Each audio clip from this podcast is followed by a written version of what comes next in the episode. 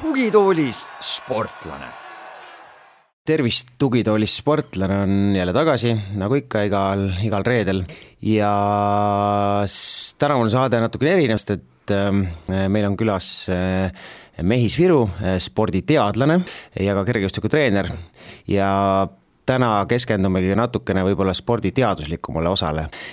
et räägime toitumisest, räägime õigesti treenimisest ja kindlasti puudutame natukene ka tippsporti. tere, Mehis! tere! alustame aktuaalsest. Poolteist nädalat tagasi vallutas siin tabloid äh, ajalehti Erik Orgu äh, nimeline mees, äh, toitumisspetsialist, kelle, kelle puhul tuli välja, et tegelikult ta salaja armastab kringlit ja muud pigem ega, ebatervislikku nosida. et kuidas Mehis teie sellele uudisele vastu vaatasite, kas see tuli selles mõttes üllatusena, arvestades, et Erik Orgu on, ütleme, et oma brändi ehitanud nii suureks, et tõesti viimastel aastatel saab öelda, et ta on võib-olla Eesti kõige tuntum toitumisspetsialist? jah, ilmselt on üks kõige tuntumaid, aga, aga kogu see lugu pani natuke muigama, sest et kui rääkida teadusest, teaduspõhisest lähenemisest, siis, siis tavaliselt noh, asi käib nii, et, et kui on mingi probleemistik, mingi probleem ja teadlased või, või teadusega sina peal olevad treenerid soovivad põhjalikumalt infot saada, siis nad vaatavad kuskilt teaduslikust andmebaasist, uurivad artikleid, uurivad erinevaid eksperimente, uuringuid, mis on tehtud ja ja kedagi eriti ei huvita, mil, mismoodi või milline see teadlane välja näeb et, et, et, tähtis on see, mida ta on kirjutanud, millised on ta ideed, kus see artikkel on avaldatud, kui nad on sellisest kõrgesti väärtustatud teaduslikust ajakirjast, siis siis kõik on rõõmsad nende ideede üle, et, et, et ses suhtes see on selline nagu natuke nagu ütleme, teadusmaailma jaoks pseudoprobleem. samas muidugi ma saan aru, et, et kui Erik Orgu on, püüab ennast müüa ja, ja väga, väga intensiivselt müüa, siis võib-olla ta peaks olema natuke nagu jälgima seda, aga noh, see on vist rohkem nagu tema mure toitumine, ütleme, et vähemalt teoorias on toitumine meie ühiskonnas muutunud teadlikumaks, võib-olla inimesed praktikas seda tervislikku toitumist veel ei järgi, aga vähemalt inimesed teadvustavad, et päris kõike endale ei tasu suust sisse toppida. sama, samamoodi on nüüd tekkinud ka erinevaid toitumisspetsialiste, kes ennast brändivad toitumisspetsialistidena. Ja neid on tegelikult väga palju, Google sisse lüüa märksõnaga toitumisspetsialist, siis tuleb seal noh, silme eest läheb nii kirjuks, et kui mina nüüd ütleme näiteks tahan, tahan homsest alates teadlikult ja tervislikult toituda, kuidas ma selle õige valiku võiksin teha, neid on nii palju? noh, mina kindlasti soovitaks sellist teadusepõhist lähenemisi ja neid toitumisspetsialiste, kes on siis ise teadusega tegelenud või, või päris teadlased, et no väga, väga hea, väga head tööd on teinud Tartu Ülikooli professor Mihkel Silmer, kes on avaldanud ka mitmed raamatud nagu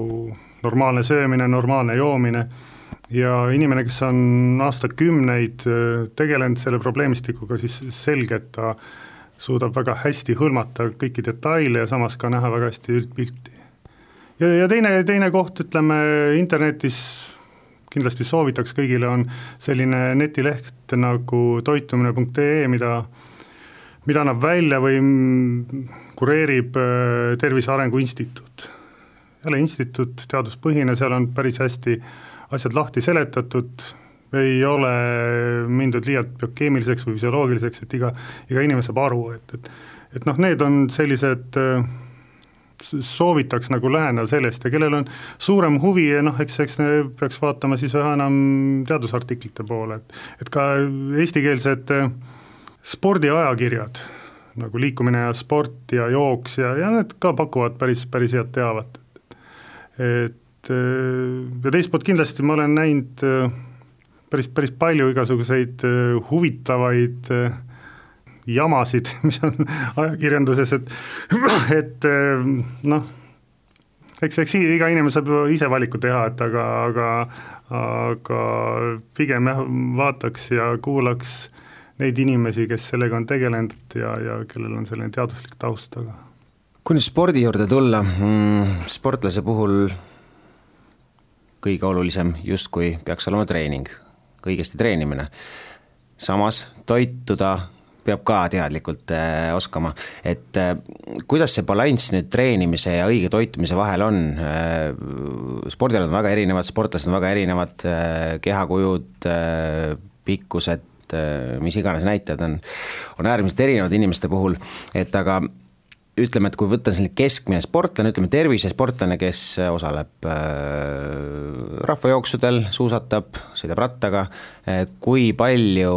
kui suurel määral peaks ta äh, treeningu kõrval jälgima oma toitumist ja millest peaks kindlasti hoiduma? jah, see treenimine ja, ja sportlased, see on väga lai valdkond, et äh, võib-olla esiteks tõmbaks kohe selge piiri ja vaa vahele äh, saavutussportlaste ja, ja tervisesportlaste vahele, et, et et äh, pahatihti saavutussport ei ole tervislik ja, ja on kompromiss tervisega. Äh, teiselt poolt jälle tervisesportlased, äh, nad ei tohiks kunagi ära unustada, et nende eesmärk on hea tervis, mis tähendab siis nii füüsilist, sotsiaalset kui ka emotsionaalset heaolu ja tervisespordis on see võitja, kes elab kauem kvaliteetset elu. et kui, kui tekib juba mõte, et sa tahad äh, naabrimehele ära panna või, või, või ülemusele panna Tartu maratonil ära või, või kellelegi tõestada, et sa suudad täispika triatloni läbida, noh, siis see kindlasti kaldub juba sellest eesmärgist eemale ja ja jälle on kompromiss äh, tervisega. ja no kehalised harjutused on alati või võivad olla väga tugeva mõjuga ja mistõttu noh, kahjuks ka Eestis on juhtunud, et nii mõnigi tervisesportlane on üle pingutanud, on ja ka võistlustel ära surnud, nii et, et seetõttu peaks nagu vähe, vähe hoiduma. ja kui äh, rääkida nüüd toitumise osakaalust, siis noh, eelkõige, eelkõige on tähtis äh, tervisesportlasele liikumine ja, ja mida, mida siis toetab, toetab ka toitumine. ja toitumine peaks olema tasakaalustatud ja, ja mitmekesine ja hoiduma eri, erinevatest äh, toitumisekstreemsustest ja ja tarbida palju ka vett ning noh, järgida toitumispüramiidi, mis on siis sealsamas lehe peal toitumine.ee välja pandud. ja, ja nagu jah, kogu aeg meeles pidama, et, et eesmärk ei ole jah, et, et et et äh, läbida võimalikult palju maratone või poolmaratone või, või, või järvejookse, et kahju, kahjuks noh, need äh, sellised äh, tendentsid on olemas ja on tekkimas ka sellise tervisespordi hullused, et, et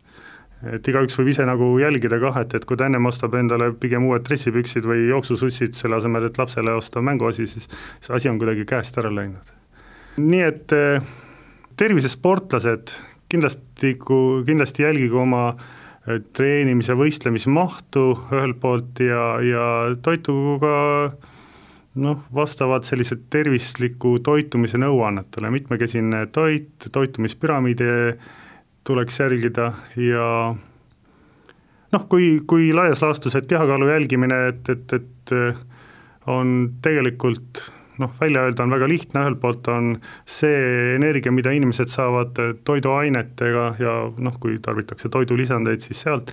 ja teiselt poolt, teisel pool kaalukausil on kolm momenti, see energia, mis kulub inimese liikumisele, see energia, mis kulub tal äh, ainevahetuse põhikäivele, ehk, ehk siis siseorganid oleksid töös, ja kolmas on väike osa, on ka see, mis kulub äh, söömisel, toidu töötlemisel ja kui need on need võrdsed, siis on, siis on äh, kaal ka enam-vähem stabiilne. kui nüüd hakkab ära nihkuma ühele või teisele poole, siis järelikult kuskilt, kuskilt poolt on nagu midagi nihkes. enne kui me liigume nüüd tippspordi juurde, äh, küsiks veel korra selle, mm, selle viimase mõtte jätkuks, millised tunduvad olevat teie hinnangul praegu need äh, kõige levinumad ekstreemsused, mida inimesed siis oma toitumises äh, teevad, et et äh, erinevaid jällegi artikleid, populaarteaduslikke, poolteaduslikke, täiesti fake news'i on noh, saame ka lugeda internetist igalt poolt, et mis, mis tundub teile selline, selline ohtlik trend, mida inimesed võib-olla, võib-olla järgivad täna? No neid on, neid asju on päris mitu, noh ütleme üks, üks noh, ei, saa noh, pidevalt jälgida, millised uued kuskil ajakirjanduses tulevad uued trendid, uued dieedid, imedieedid, et noh, igaüks, kes tahab mingit imedieeti kiiresti alla võtta, kakskümmend kilo, noh, peaks mõtlema, et et kui ta organism on harjunud ühe kiirusega käima, et on noh, väga naljakas või lootusetu mõelda, et sa nüüd äkki võtad mõne tableti või sööd midagi erilist või ei söö midagi ja nüüd äkki hakkab midagi viis korda kiiremini juhtuma, et ei, ei, ei seda, seda ei juhtu. aga mis, mis selline noh, tava, tavapärane trend on, ma arvan, et paljud äh, patustavad selle peale, et, et kui hommikul ärgatakse, siis siis äh, hommikusöök jääb kasinaks, võib-olla tass kohvi, kui sellegi jookstakse tööle, lõuna ajal kah võib-olla mingi võileiv või, või kiiresti mingi aseaine. Ja, ja siis õhtul, kui koju jõutakse, siis lörtsti diivani peale, telekas käima ja siis sööme. Ja siis natuke puhkame ja siis sööme jälle ja siis jälle puhkame ja siis sööme jälle, et, et see, see on kõige, kõige sellisem noh, ilmselt tavapärasem trend ja mis viib ka kiiresti kaalutõusule. Et, et tegelikult peaks inimene jagama oma energiakogused äh, mitme toidukorra vahel, hommikusöök on ka äärmiselt oluline ja pigem siis mitte mitte koormata organismi või seedetrakti kolme korraga, vaid pigem süüa näiteks viis korda, aga see päevane kogus ei tohiks siis väga suureks minna. noh, näiteks sellised näited, et, et hommikusöök on kakskümmend viis protsenti kogu päeval eh, söögiga saadud energiast, siis lõunaoode kümme, lõunasöök kolmkümmend, õhtuoode kümme ja õhtusöök ka kaks, kakskümmend viis protsenti, et, et noh, selline jälle seesama, see sõna tasakaalustatus, et on tähtis ja noh, lohutuseks võib ka öelda, et e-, ega tegelikult midagi ei juhtu, kui, kui sa üks päev sööd suure kreemikoogi ära näiteks. aga kui sa iga päev sööd ja sööd hommikul, lõunal ja õhtul, et, et noh, siis läheb asi käest ära, siis, siis on selline trend. Ja noh, tervisespordist või, või ütleme jah, tervisespordist või, või kaalu jälgimisest kindlasti noh, veel, veel nii palju peaks, peaks inimesed aru saama, et see, kas sa sööd nüüd enne kuut või peale kuut või sa sööd seal kella seitsme ajal pool võileiba või võileivad, et see, ega see suurt ei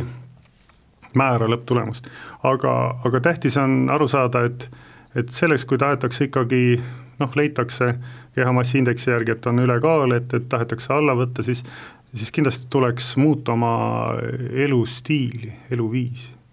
noh, naljaga pooleks on öeldud, et tuleb võtta noorem armuke, et, et siis see paneb inimese pingutama, aga noh, vähe tõsisemalt, et et lihtsalt peate rohkem liikuma. ja, ja nagu ma ütlesin, et, et üks energia osa, mis või kulukoht on organismi põhikäive ja kui nüüd hakata ainult toiduga piirama seda, siis eks organism saab ka varsti aru, et, et noh, on, tekivad kriisid, tekivad mingid näljamomendid ja siis see põhikäiva hulk hakkab langema. Et, et ikkagi liikumine, treening, noh muidugi adekvaatne treening, et, et see on see, mis, mis aitab kaasa soovitud tulemuste saamiseks ja, ja nagu noh, ka siin öeldud, et, et, et parem mitu korda päevas süüa, et tähtis on ka see, et et organism ei jääks vahepeale nälga, sest et, et nälg on kriis, nälg on hädaoht ja, ja seetõttu on, kui, kui päeva jooksul on inimene poolnäljas, siis õhtul, kui, kui siis söök kohale jõuab inimesele, siis see organism püüab seda ladestada, nii, nii siis nahaaluse, rasvkihina või, või kus iganes. et äh, jah, esmane, esmane nõuanne on tervisesportlastele või üldse tavainimestele, et, et et jälgige oma elustiili, et püüdke rohkem liikuda, püüdke auto asemel sõita jalgrattaga või käia jala, püüdke jah, ise muru niita, mitte osta see automaatniiduk, ma ei tea, mis Bauhofi mehed arvavad teda aga, aga noh, et, et selles mõttes ka, et igasugune liikumine, igasugune tegemine, et, et on see puu saagimine või lõhkumine või, või muru niitmine, rehitsemine, et, et see, see kõik on liigutamine ja ja täpselt nagu noortespordis on väga tähtis see, et, et sa valiksid endale spordiala, mis sulle meeldib, mis sulle lõbu pakub, et sa, sama on ka täiskasvanutel, et noh, kui sulle ei meeldi suusatamine, siis noh, maru raske on ennast sundida. kui sulle jälle leiad endale, et saad sõpradega kuskil võrkpalli mängida või, või joosta või jalgratast sõita, siis on päris hea. selge see, et, et sellised keskealised juba peaksid spordiala valides äh, vähe oma perearstiga konsulteerima, sest et äh, noh, praegu oli ka see Tallinna sügisjooks ja Tallinna maraton ja paljud jooksid, et aga tegelikult jooks on üks ohtlikumaid äh, sportimisalasid põlvedele, jalgadele, seljale, puusale, et, et, et natuke peaks nagu jälgima seda, et, et sealt üle, üle ei pinguta. aga jah, et, et ja noh, elustiiliga läheb natuke kokku ka see, et, et tuleks vahet teha, kas on tõeline nälg või on siis äh, harjumuslik. võib-olla äh, peale tööd on sõbraga kokku saadud, mindud kuhugi kohvikusse, söödud natuke, aga on harjutud, et tuled koju, hakkad sööma ja siis noh, iseenesest või harjutud, et et kui äh, diivani peal istud, siis ikka midagi näksid või, või, või vaatad telekast või kuskilt, et et, et seda peaks ka nagu, nagu ja vastavalt sellele on ka mitmed erinevad, mitmed erinevad nagu moodused, et et seda harjumust muuta, noh näiteks eestlane on harjunud kõik taldrikult ära süüa, et, et et võtke siis väiksem taldrik natuke ja, ja, ja kui söök on lõppenud, siis koristage laud ära, et ei tuleks tahtmist jälle minna ja, ja rabada ja toidujäägid visake ära ja ja, ja nii edasi ja nii edasi, et, et noh, see on lihtsalt äh, enesekäitumise jälgimine ka, kuidas, kuidas need asjad toimivad ja tühja kõhuga ei tasuks poodi minna? jah, seda kindlasti jah, jah, ma isegi olen tundnud seda, et, et ja kindlasti jah, kui poodi minek, et siis eh, noh, hea oleks, kui isegi eelnevalt teha plaanid, et mis, mis toitu teha, et, et siis selline emotsionaalne või, või et noh, et võtaks veel seda, seda, seda, et et öö, eh, ootamatud ostud nagu jää, jäävad siis ära, et. Te mainisite, et tippsport ei pruugi alati tervislik olla, see on ikkagi keha viimine teatud piirini ja teinekord võib see piir piiri isegi piirist üle minna. Ja, ja teine asi, mida olen täheldanud ähm, sportlaste puhul, kui väike paus jääb sisse, siis minnakse hästi kiiresti vormist välja. Äh, meil on siin võrkpallikoondisest ka äh, üks näide äh, või õigemini kaks näidet tegelikult, mis siis vahetult enne EM-i, kaks ütleme sellist eeldatavat põhimeest jäid üldse, üldse koju ja laagrist väidetavalt liigsete ülekilode pärast, et kui lihtne nüüd ongi sportlasel valesti käitudes vorm hästi kiiresti kaotada? treenerina ma olen jah, kuskil kolmkümmend aastat töötanud treenerina ja treener mind on alati huvitanud, et kust äh, kustkohast see edu tuleb, kust tuleb see mm, koht olümpiakoondises või, või kuldmedal või, või kust, kust see peale hakkab ja ja noh, ilmselt üks, üks alga stardipunkt on see, et, et et sportlane istub või lamab või, või tunneb ennast mõnusalt ja hakkab unistama. mõtleks, et mm, unistama, et, et mõeldes, et mis oleks, kui, kui ma oleks seal või seal ja seal. ja kui ta nüüd unistusele paneb külge tähtaja, ja muudab unistuse väga konkreetseks, on see siis kuldmedal või mingi sportlik tulemus kergejõustikus või, või ujumises mingi aeg või et siis see, unistus muutub eesmärgiks. ja, ja tundub, et need sportlased, kes siis vormist välja langevad, noh, kui põhjuseks ei ole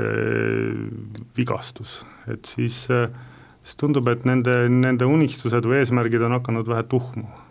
jah, seda, see nendest võrkpallikoondis lastest oli juttu ka, kas oli eile see artikkel või mõned päevad tagasi võrgukoondise üldkehalise ettevalmistuse treener, üks itaallane, et ehm, noh, ma päris kõigega ei ole nõus, mis ta seal kirjutab, aga, aga ilmselt seal vist kõik ei ole ka kirjas, et, et noh, noh selge, et kui on eh, suurem kehakaal, siis on raskem üles hüpata, aga aga noh, ma ei tea, kas ta mõõtis üleshüpet või ei mõõtnud seal, et, et et ja, ja lõppkokkuvõttes asi taandub ikkagi selle peale, et et kas treener tahab seda, seda sportlast oma võistkonda või ei taha, et võib-olla, võib-olla tõesti nendel sportlastel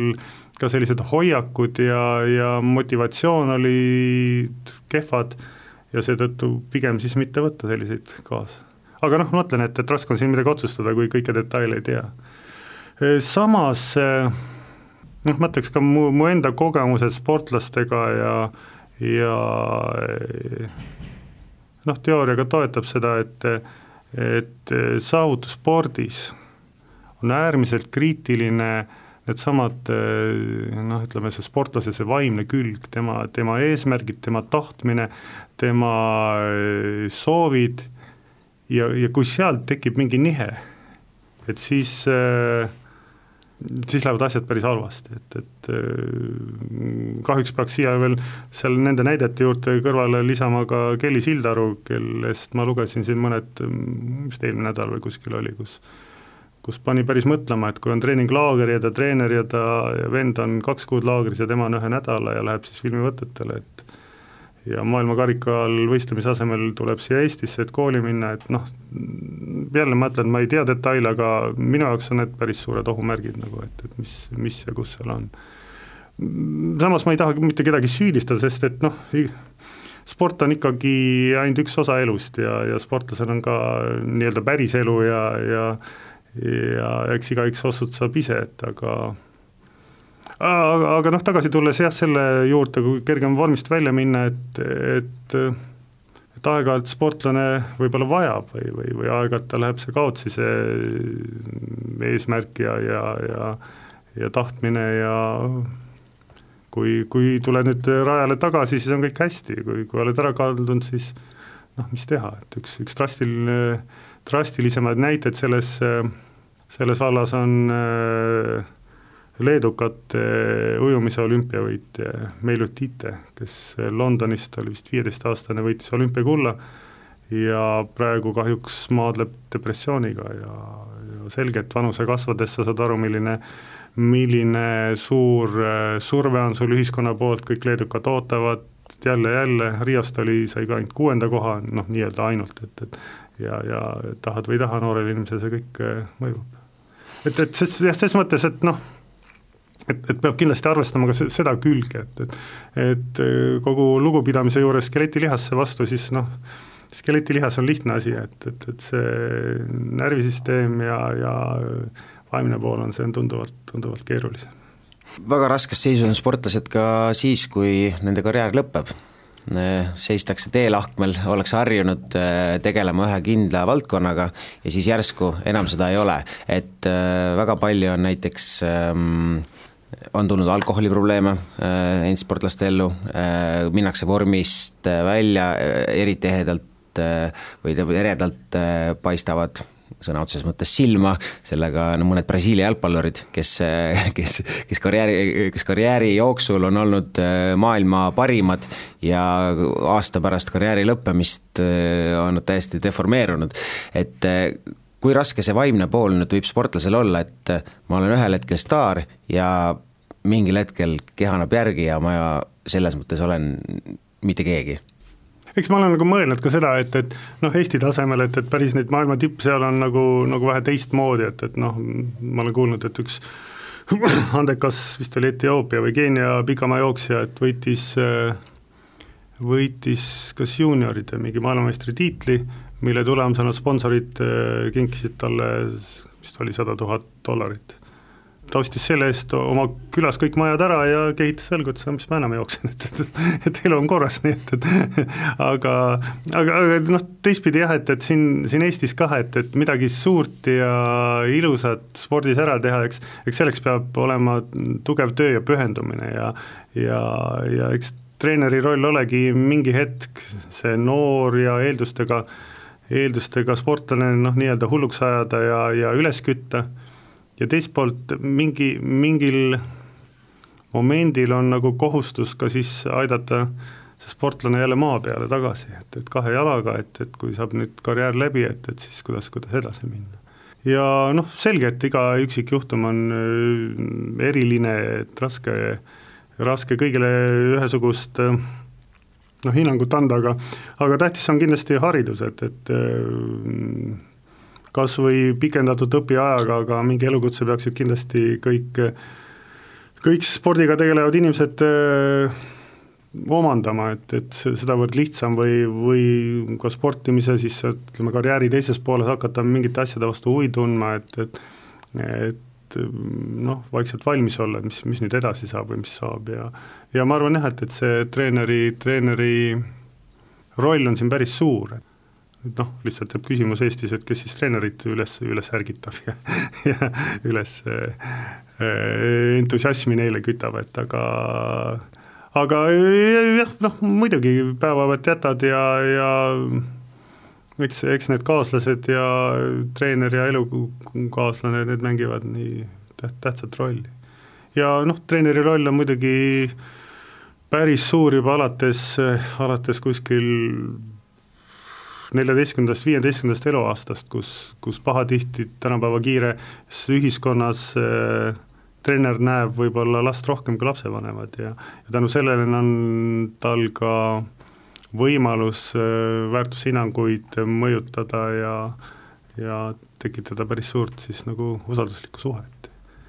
ja, ja seetõttu jah, ma arvan, et, et see on treeneri kohustus vähe, vähe vaadata, et ta ei jääks niisama ribakile.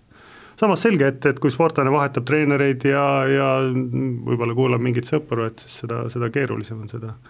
neid asju ellu viia kas see ülemine piir äh, näib nihkuvat, et äh, sportlased jäävad äh, heas mõttes järjest vanemaks, toome jalgpalli näite, Cristiano Ronaldo, kolmekümne viie aastane, endiselt kiire, tugev, hüppab kõrgele, nagu, nagu kõrgushüppaja Äh, on väravavaht Gianluca Buffon, üle neljakümne, et kuidagi see piir äh, näib mulle, et, et see nihkub ülespoole. et ütleme, kolmkümmend viis, äh, kümme aastat tagasi jalgpallis oli ikkagi mees, kes noh, noh oleks võinud juba ära lõpetada, noh, Ronaldo puhul seda pole, pole veel näha.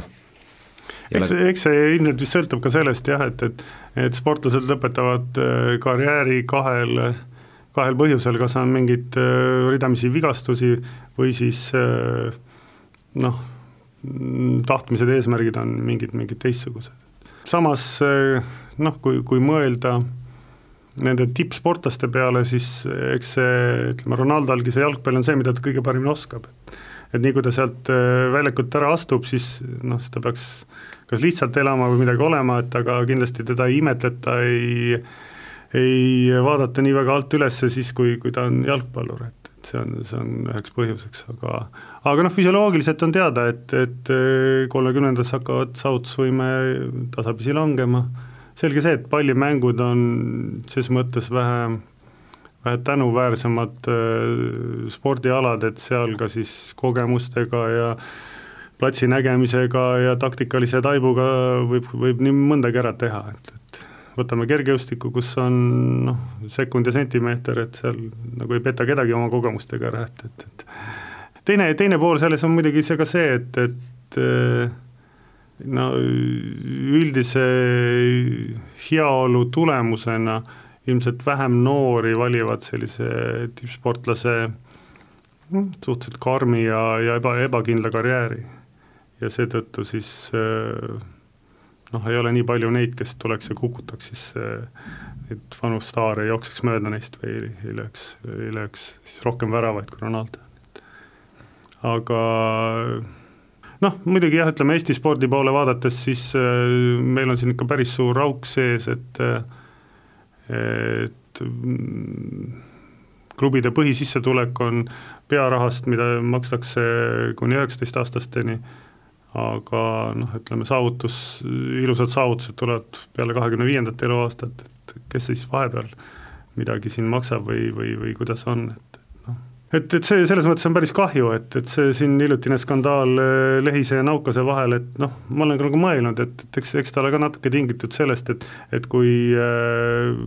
Naukas oleks treenerina saanud noh, suht, suht mõistlikku töötasu juba alates sellest, kui Lehis oli kuskil seitseteist, kaheksateist, siis noh, siis ta oleks midagigi saanud oma, oma töö ja vaeva eest, et, et nüüd vist ma ei tea, kuna see Euroopa meistrivõistlused olid, Lehis võitis eelmine aasta või kuskil, et alles siis hakkas see nagu töötasu tulema ja ja selge see, et see tekitab kibestumist kindlasti kõigis treenerites, et sa näed vaeva, võib-olla ostad ka esimesed sussipaarid, ostab treener ja, ja maksab laagrid kinni ja, ja siis, kui noh, asi hakkab nagu vedu võtma ja ilusaks, siis siis äkki on see sportlane läinud, et. Ja noh, ka kahju on, et, et see, see asi nii on, et, et et meil, meil natuke Eestis on üldse kuidagi viltu läinud selle tippspordisüsteemiga, et noh, võrdlusena ma olen uurinud, kuidas asi töötab Uus-Meremaal, et Uus-Meremaa on veidi, veidi suurem maa kui Eesti, see rahvaarv on kuskil neli pool viis miljonit, samas Riia olümpialt kaheksateist medalit, pluss veel hulgim neljandaid kohti. Ja medalid ei ole mingid nišialast, aga, aga kergejõustik, sõudmine, et noh, ikka, ikka ka klassikalised alad ja ja kui uurida nende dokumente, siis esimesed äh, suured seisukohad on välja öeldud, et tippsport on äh, Uus-Meremaal inspiratsiooniks kõigile Uus-Meremaa elanikele ja annavad neile enesekindlust ja jõudu ka läbi lüüa, ükskõik mis erialal nad ka ei töötaks. Väga, väga ilus ja selge, et, et, et Eestis noh, kahjuks on see ja, ja selge see, et, et vastavalt sellisele lähenemisele on ka toetust Uus-Meremaal tippspordile kuskil kolmkümmend, kolmkümmend viis miljonit dollarit aastas. Eesti tippsport sai vist see aasta või eelmine aasta ühe miljoni, ma ei tea, kas järgmine aasta vist ei tule sedagi,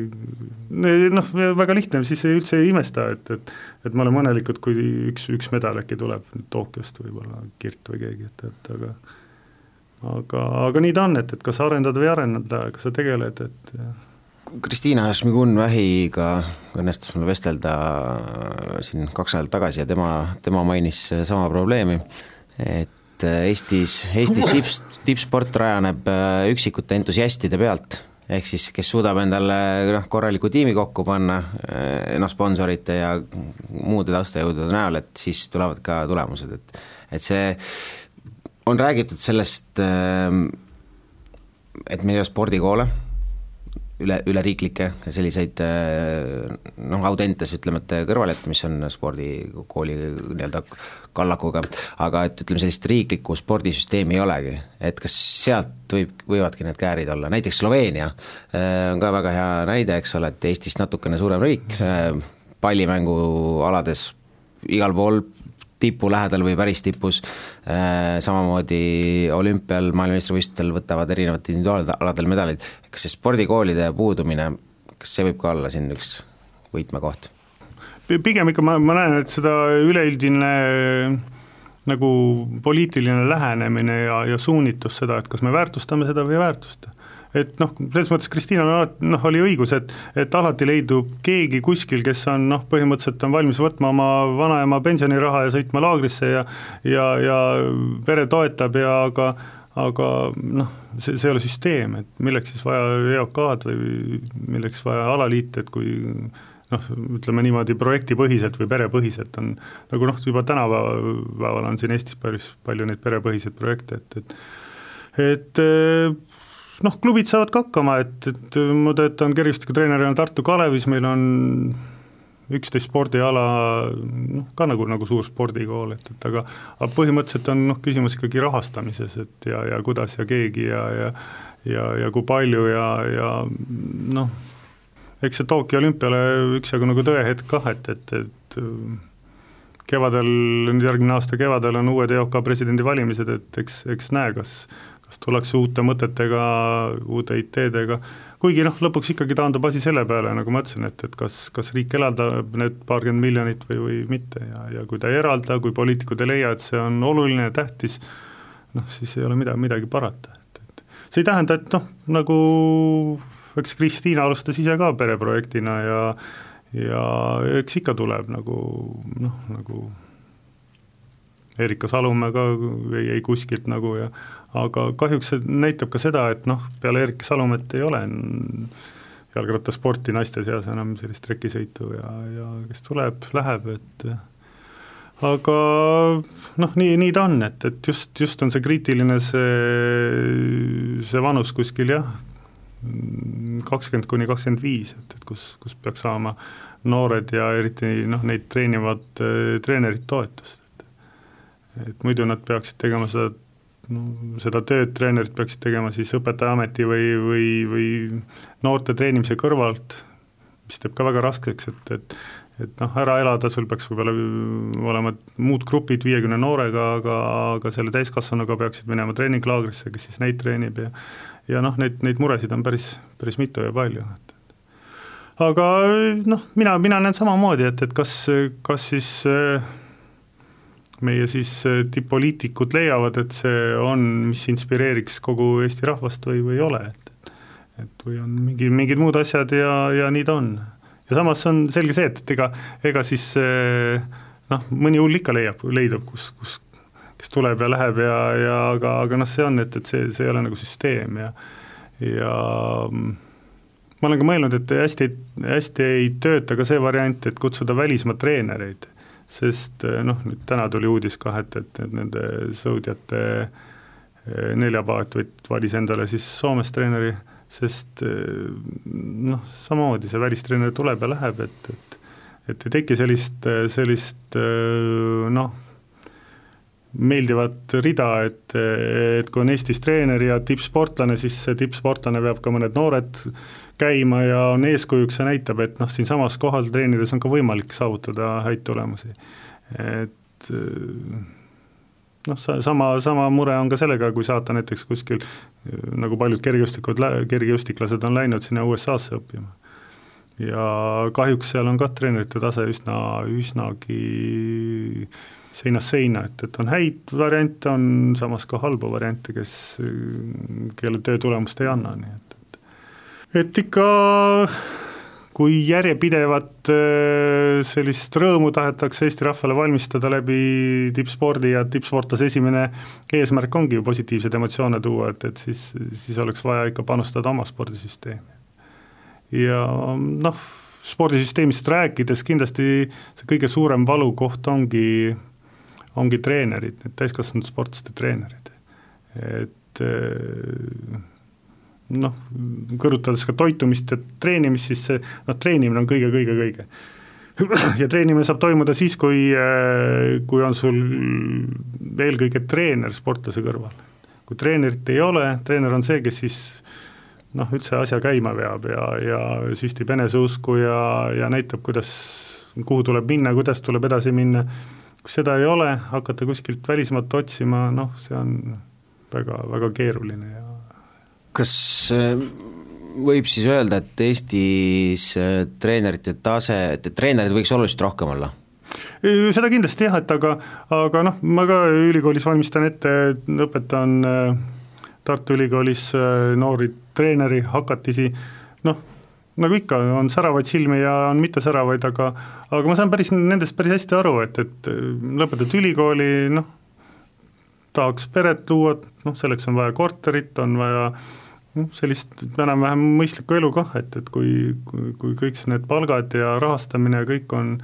väga nigel, pluss noh, treeneri töö niikuinii eeldab seda, et, et et tihtipeale võistlused on nädalavahetustel, sa oled kinni või, või noh, kergejõustikus ka suvi on kinni, et et noh, väga, väga raske on ette kujutada sellist head mõistlikku elu, kui kui sul ka palka ei ole ja, ja, ja nädalavahetused talvel, suvel kõik on kinni, puhkust ka nagu ei ole, et noh, et selge see, et noorem, noor inimene küsib varem või hiljem, aga miks, miks ma peaks seda tegema kõik, et mis see on, et ja, ja noh, tegelikult ütleme praegused, et EOK toetused tipptreeneritele, need on need siis A, B ja C tasemel, et noh, noh need, need on ka ikka päris naeruväärsed, et, et seal on maailmameistri või olümpiavõitja treenerit toetatakse tuhande viiesaja euroga kuus, et noh, see ja samas see ma ei tea, palju see Eesti keskmine palk kipub sinnakanti kuskile ja, ja samas temalt oodatakse, et ta on suuteline mm, tegema maailma tipptasemel tööd mõeldamatu mõnes lääneriigis. või noh, mõtled noh, kõrvutad siin mingi Eestis siin mingi mm, riigifirma tippjuhid, mis, milliseid rahasid või summasid nemad saavad, noh et, et et, et, et selles suhtes on jah, et, et küllaltki alamakstud ja selline noh, ma ütlen ka kehvalt väärtustatud on see tippsport ja ja noh, eks, eks siit see tulebki, et, et noori selliseid teotahtelisi kindlasti leidub ja ma ise ka olen igal kursusel näinud, et aga kas, kas nad nüüd jäävad spordi juurde, et ja, ja kui nad ei jää, et ega noh, midagi parata ei ole sinna, et, et kui nad valivad mingi muu tee, kus, kus on vähe, vähe noh, inim, inimväärisem see, see elu. Hmm. aga, aga seda ma võin küll öelda, et, et noh, praegu veel jätkub, jätkub veel meie treeneritel teadmisi ja oskusi ja, ja ja tore oleks neid ka noortele edasi anda, kes, kes siis on noh, tõesti on huvitatud ja ja noh, üldine tendents, ma olen nagu vaadanud noh, need kas või kergejõustikutreenerite seas, et et päris lahkelt jagatakse nõu ja, ja teadmisi, kogemusi, et, et see, see ei ole üldse küsimus ja ja järelikult on ka võimalik uusi ja uusi häid treenereid välja kasvatada siin Eestis, et küsimus vaid jah, et äh, kuidas, kuidas see olme ja muud tingimused järgi tulevad. kergejõustikust rääkida, siis üks tõehetk on meil nüüd kohe-kohe uksele koputamas, äh, Doha mm, äh, no hetkeseisuga õnneks meil on Magnus Kirt jah et kuidas te ise kergejõustikutreenerina nüüd selle Doha MM-ile peale vaatate, et mis no ütleme, Kirdi medalit ootavad kõik väga paljud ootavad sisimas ka kulda, aga kuna siin on häid vendasid veel, siis eks näis. et kuidas nüüd, millise tulemusega võiks Eesti koondis rahule jääda? Noh, ikkagi medal, ma arvan, võiks olla see, millega rahule jääda, et, et et noh, selles mõttes on prognoosi teha on äärmiselt või noh, noh mitte äärmiselt, aga üsna keeruline, sest et, et tavapäraselt on tiitlivõistlus kuskil, toimub kuskil augustis. ja suht, suht noh, normaal, nii-öelda normaalses kohas, et, et ju siis on mingid spordihärrad kuskilt saanud Katarist päris suure äh, pataka raha, et, et nad valisid seda, noh, ma ei kujuta ette, kuidas sa saad sportlasele ära põhjendada, et maratonijooks peab südaöösel algama või, või või miks peaks üldse oktoobris veel võistlema ja eriti, kui järgmine aasta on veel olümpiamängud ja olümpia ettevalmistus ja kõik, kõik nii edasi, et et need tingimused on seal jah, üksjagu uudsed on räägitud, et staadionil tekitatakse konditsioneeridega mingi omamoodi keskkond, kuidas see nüüd mõjub, kuidas see mõjub noh, näiteks kesk- või pikamaa-jooksjate hingamisele, et eks, eks seda saame, saame nagu näha. et eh, jah, Kirt on kindlasti see suur ootus, samas ka ütleme, Maicel Uibo on, on päris, päris huvitav ja ja kuna mitmevõistlus on mitu päeva ja rabelemist, et kuna ta seal Ameerikas ja, ja Bahamal äh, paikneb, elab tavaliselt, siis, siis äh, võib-olla on ta siis kuumaga rohkem harjunud kui siin mõned, mõned teised konkurendid, et et see, see on ka, see on ka päris huvitav samas Uibol on, on olnud ka palju ebaõnne suur tiitlivõistlustel just, kui rääkida. jah, jah, seda, seda küll jah, et, et ikka kaks päeva rabelemist ja, ja noh, mitu võistleja ikka kuskilt valutab ja kuskilt on nagu vähe, vähe midagi, mingi koht on nagu ohtlik või et, et noh, aga eks, eks nii ole kõigil jälle muidugi, et, et teiselt poolt tema on kindlasti sportlane, kes on valmis tegema seal kuskil kaheksa tuhat viissada punkti ja ja sellega peaks ikkagi medali saama, et, et. Aga ma mõtlen, et noh, ei, ei kujuta ette, mis, mis see nagu reaalsuselt hakkab, hakkab seal toimima ja kuidas on, et, et. Aga kahju muidugi on see, et, et koondises ei ole ühtegi naisterahvast nagu, et, et, et. Viimasel hetkel ikka vigastusega jah, vigastused ja asjad ja, ja noh, et, et võiks, võiks jah, eks, eks ta nüüd ole, et, et ühelt poolt EOK, teiselt poolt ka ütleme, alaliit peaksid nagu muretsema selle järelkasvu eest ja, ja tundma rohkem muret, kas, kas need potentsiaalsed siis noored vanuses jah, seal üheksateist, kakskümmend, et kas neil on võimalus sealt siis edasi areneda või, või kuidas edasi jõuda ja, ja vastavalt siis ka neid toetama, aga aga noh, jah, igal, igal alaliidul on omad, omad eesmärgid ja, ja tegevused, et kuidas, kuidas see läheb aga see, selles mõttes jah, nagu Doha on nagu huvitav, kuigi jah, ma ütleksin natuke nagu kummaline või isegi aeg ja, ja, ja kes, kes sinna kohale lähevad, et, et Johannes Erm ju loobus täitsa noh, et, et selge see, et tema tuleb sealt Ameerika siis üliõpilassüsteemist, kes võistlevad juba kuskil aprillist peale ja, ja jah, ütleme jah, kergejõustikukoondise suhtes eks, eks ta nii, nii nagu ole jah, et, et eestlastel noh, et päris seal tipus olla, eks, eks noh, ütleks julgelt välja, et, et selliste ehedate geenialadega nagu või ütleme jah, geenidel põhinevate aladega nagu sada meetri, saja meetri jooks või või, või siis kah ütleme, päris pikamajooksud, et noh, väga raske on seal võistelda, et pigem mingid tehnilised, mitmekülgsed nagu mitmevõistlus või heitealad, et, et, et see, see on nagu eestlaste võimalus. Ei, ei taha küll öelda, et, et, et no sprint Eestis, aga, aga noh, kahjuks ta nii on, et, et, et mm -hmm ja ei ole ka Lätis? noh, noh midagi teha ei ole, ma olen nii palju lugusid kuulnud, kuidas tippsprinterid räägivad, et tulin esimest korda trenni viieteistaastasena, jooksin, noh, trenn võttis aega kümme-viis, noh siis hakkasime edasi arendama, noh.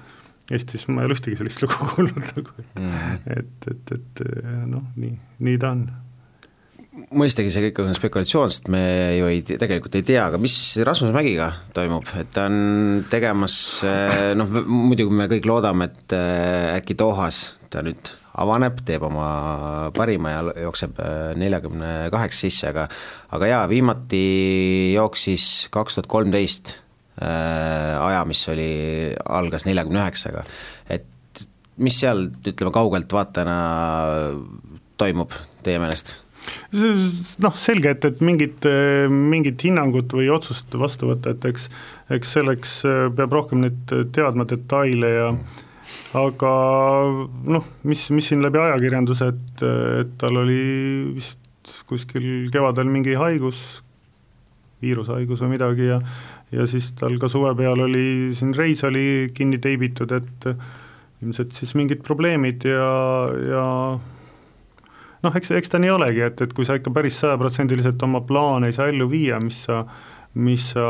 mm, oled planeerinud, siis noh siis see tulemus hakkab kukkuma, et et selge, et, et ta ei jookse siin kuskil viiekümne viie sekundiga, aga, aga päris noh, need ajad, mis ta on nagu lootnud, et joosta neljakümne seitsme sisse, et et noh, neid ka ei ole tulnud, et ja, ja selge, et mida kõrgemal tasemel sa oled, siis iga natukene väiksemgi faktor, mis negatiivselt mõjutab, see, see hakkab ka kohe rolli mängima tulemusel. ja noh, ütleme sporditeooriast eh, on ka teada, et eh, organism kohaneb treeningutega, treeningharjutustega ja treener peaks kogu aeg leidma midagi, midagi uut, midagi teistmoodi, noh, kõige lihtsam on tõsta koormuseid suurema koormusega, aga sinna noh, nii, niipidi väga kaua, kaugele ei saa minna, sest tekivad vigastused eh, ülekoormustest, aga, aga muuta treeningkavasid, noh et, et see, see on noh, selline ka päris päris äh, noh, riskantne mäng ja, ja kas see õnnestub või mitte, et, et noh, treeningkoormuste tõstmisega Gerd Kanter läks liiale peale Pekingi olümpiamänge ja, ja siis tulemused hoopis hakkasid alla kukkuma, nii et, et et äh, jah, pannes need kaks asja kokku, et ühelt poolt sa pead nagu midagi muutma, et areneda, ja teiselt poolt kui sul on ka mingid segavad faktorid, vigastused või haigused, noh ilmselt, ilmselt need, need asjad siis kokku mõjutavadki nii, et, et et sportlane ei ole ilmselt saanud oma mõtteid, ideesid ellu viia ja, ja seetõttu see tulemus ei ole päris see, mis, mis ta nagu ootnud või loodab. et ei noh, ma ütlen, et ta ei ole, ei ole noh, päris kehv, aga ei ole ka päris see, mis, mis ta loodab, nii et et paar nädalat on veel aega Doha võistlusteni, eks, eks näha, et, et aga noh, eks, eks seal tuleb siis need kuumused asjad. noh, Katari oma mees on praegu Äh, hooaja edetabelis kolmas, et äh, ma arvan, et terve Katar ootab sealt ikkagi kulda. seda kindlasti jah, jah, ja, ja, ja ma arvasin, et noh, et seal noh, kuna rahas ei ole küsimus, siis pannakse kõik, tehakse nii suur taustajõud kui võimalik, et, et, et teda üles, üles vormi viia, et aga aga nüüd olid ka kuulda, et tal on mingid vigastused olnud äh, pool hooaega, et, et eks, eks, eks sa näe, et et noh, nii, nii see kahjuks on, et et kui me ennem rääkisime, et et äh, tippsport ei ole tervisesport, kompromiss, kompromiss äh, ikkagi noh, vigastustega, mõnikord ka haigustega, et, et et see on igal, igal tasemel, et midagi ei ole seda parata, et et noh, lihtne on öelda, et kui sul on jalg valus, siis ära treeni, et aga ma ei usu, et ükski, ükski selline heal tasemel sportlane suudab seda nõuannet järgida, et. Ja, ja tundub, et noh, eks näha, mis see siis samba jah, et, et kui, kui heaks ta suudab ennast viia, et, et aga aga noh, neljasajas tõkkes on ka see mure, et seal on kolm ringi vaja joosta, et noh, äärmiselt kurnav spordiala. jah, jah, et, et noh, et, et kui sa oled isegi natuke katki, et võib-olla noh, ütleme, kettas või odas võib-olla seal mingi üks-kaks lasku saad ikka teha nagu, et, et aga seal pead kolm ringi läbi jooksma, kolmandas ringis ja alles finaalis on see kõige, kõige tähtsam võistlus pingeline, et noh, eks, eks ole näha, kas see õnnestub või mitte, et. Et teist poolt teeb muidugi jah, norrakas Warholm teeb väga, väga suurt rõõmu, et, et valge mees et suudab nii-öelda noh, mustade alal vastu hakata maailmarekordi lähedal, noh, loodame, et tema on see, kes jookseb maailmarekordi, mitte Ray Benjamin, et, et just mõeldes ka meie sportlaste peale, et see annab ka üksjagu eneseusku ja enesekindlust, et, et kui Ameerikas öeldakse, et äh, valged mehed ei suuda hüpata, siis joosta ikkagi suudavad? noh jah, tund-, tundub küll nii, et, et eks, äh, eks ta on ka väga heade eeldustega sportlane ja nüüd siia kõrvale panna selline äh, Norra spordisüsteemis selline mõtestatud treeningmetoodika, taastumine, et, et, et see kõik on andnud päris, päris hea tulemuse. ja väga tugevad vahendid, rahalised? seda, seda kindlasti ilmselt jah, et, et kuigi noh, noh, ütleme jah, et, et kui alustasime toitumisega, siis, siis tegelikult treening on noh, see A ja O, et noh, kui keegi mõtleb, et ainult toitudes, hästi toitudes jõuad tippu, siis seda kindlasti mitte. Et treening on A ja O ja siis, siis tuleb, ütleme, treeninguvahelistel perioodidel on vaja taastuda ja üks taastumisvahendeid on siis öö, oskuslikult tarbida siis toite mm, ja toidulisandeid, noh, vee, vee kaotust, vedeliku kaotust seal korvata, nii et, et see on noh, et, et kõigile, kõigile noortele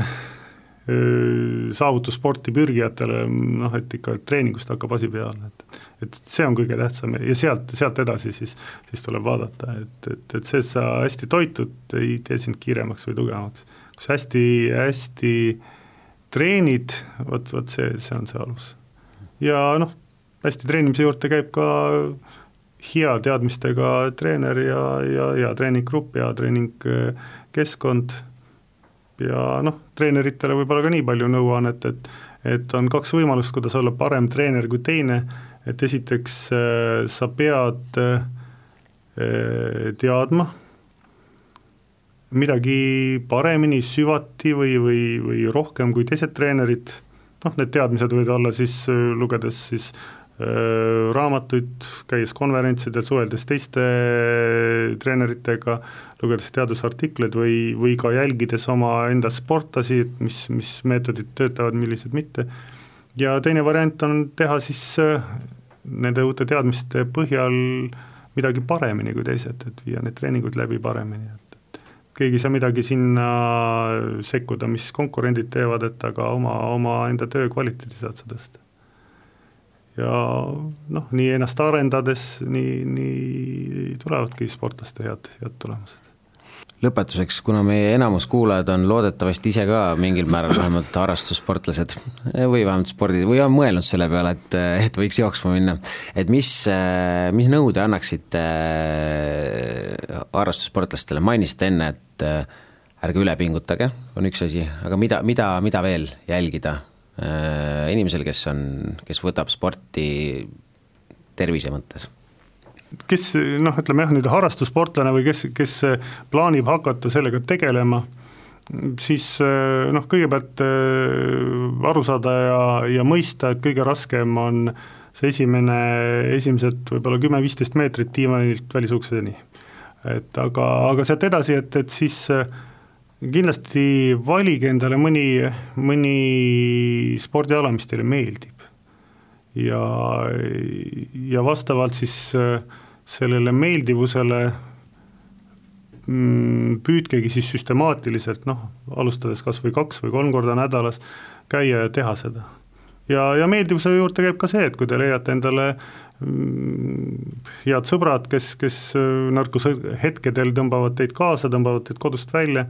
ja, ja vastavad siis äh, noh, vaikselt peale hakata rahulikult, et noh, näiteks kui te lähete sörkima, et siis selline hea metoodiline võte on, et tempo on siis õige, kui te suudate omavahel rääkida. et ei hakka hingeldama ja, ja noh, kui kui selline treenitus tõuseb, edasiminek on, et, et siis ilmselt oleks hea vaadata endale pulsivööd, pulsi järgi jälgida seda koormust ja, ja mõelda kah seda, et, et tähtis on süsteemselt pidevalt oma organismi mõjutada kehaliste harjutustega, et tekiks mingid muutused seal, mis viivad teid parema terviseni. aga, ja, ja noh, aru saada, et ega, ega Äh, kiiresti midagi ei muutu ja teist poolt noh, võtta omaks ka see, et, et selline sportlik tegevus peaks toimuma teil elu lõpuni, et, et, et see ei ole mingi hoogtöö, et, et see nädal või see kuu, et, et noh, et, et see vot, vot teeme ja oleme, et, et ei, et, et see ongi selline elu, elustiili, eluviisi muutmine. ja kindlasti tasub see ära, et et noh, geeniteadlased jälle ütlevad, et, et see, kaua me elame, on suuresti määratud geenide poolt, aga teisiti või teiselt poolt vaadates me saame ise ka palju ära teha, et, et kuivõrd need geenid reaalselt elus äh, end väljenduvad ja, ja rohkem ka seda kah, et, et kas teie elu viimased kümme aastat on tegusad ja rõõmsad või, või siis olete kuskil voodihaige, mida ilmselt keegi ei, väga ei soovi seda jah, aga lõpetame positiivse noodiga äh, kuidas meil Tokyos läheb? Tokyos läheb meil huvitavalt, sest äh, sest vaatame üldse, kes, kes sinna pääsevad praegu, et äh, sõudjatel on üks võistlus veel, äh, vehklejad ei ole päris kohale jõudnud. Nabi sai just kätte. ah, Nabi sai kätte just, noh, väga hea, väga hea, et, et, et et eks, eks, eks seda, eks seda ole näha, et aga aga isegi sõltumata sellest, kuidas seal läheb, et, et äh, meie, meie saavutusspordi äh, süsteemis on ikka väga suured augud ja seda tuleb tugevalt arendada, kui, kui soovitakse noh, pidevalt näha Eesti sportlasi olümpiamängudel, maailmameistrivõistlustel esirinnas. ja, ja ma olen kindel, et, et meil on see teadmised, know-how'd olemas, et, et et, et see sünniks, kui, kui see süsteem areneks ja toetaks seda seal tippspordis olevaid treenereid ja sportlasi. Äh, toetagem siis sporti ja toetagem ka tugitoolis sportlaseid äh, järgmisel reedel, aitäh täna oh.!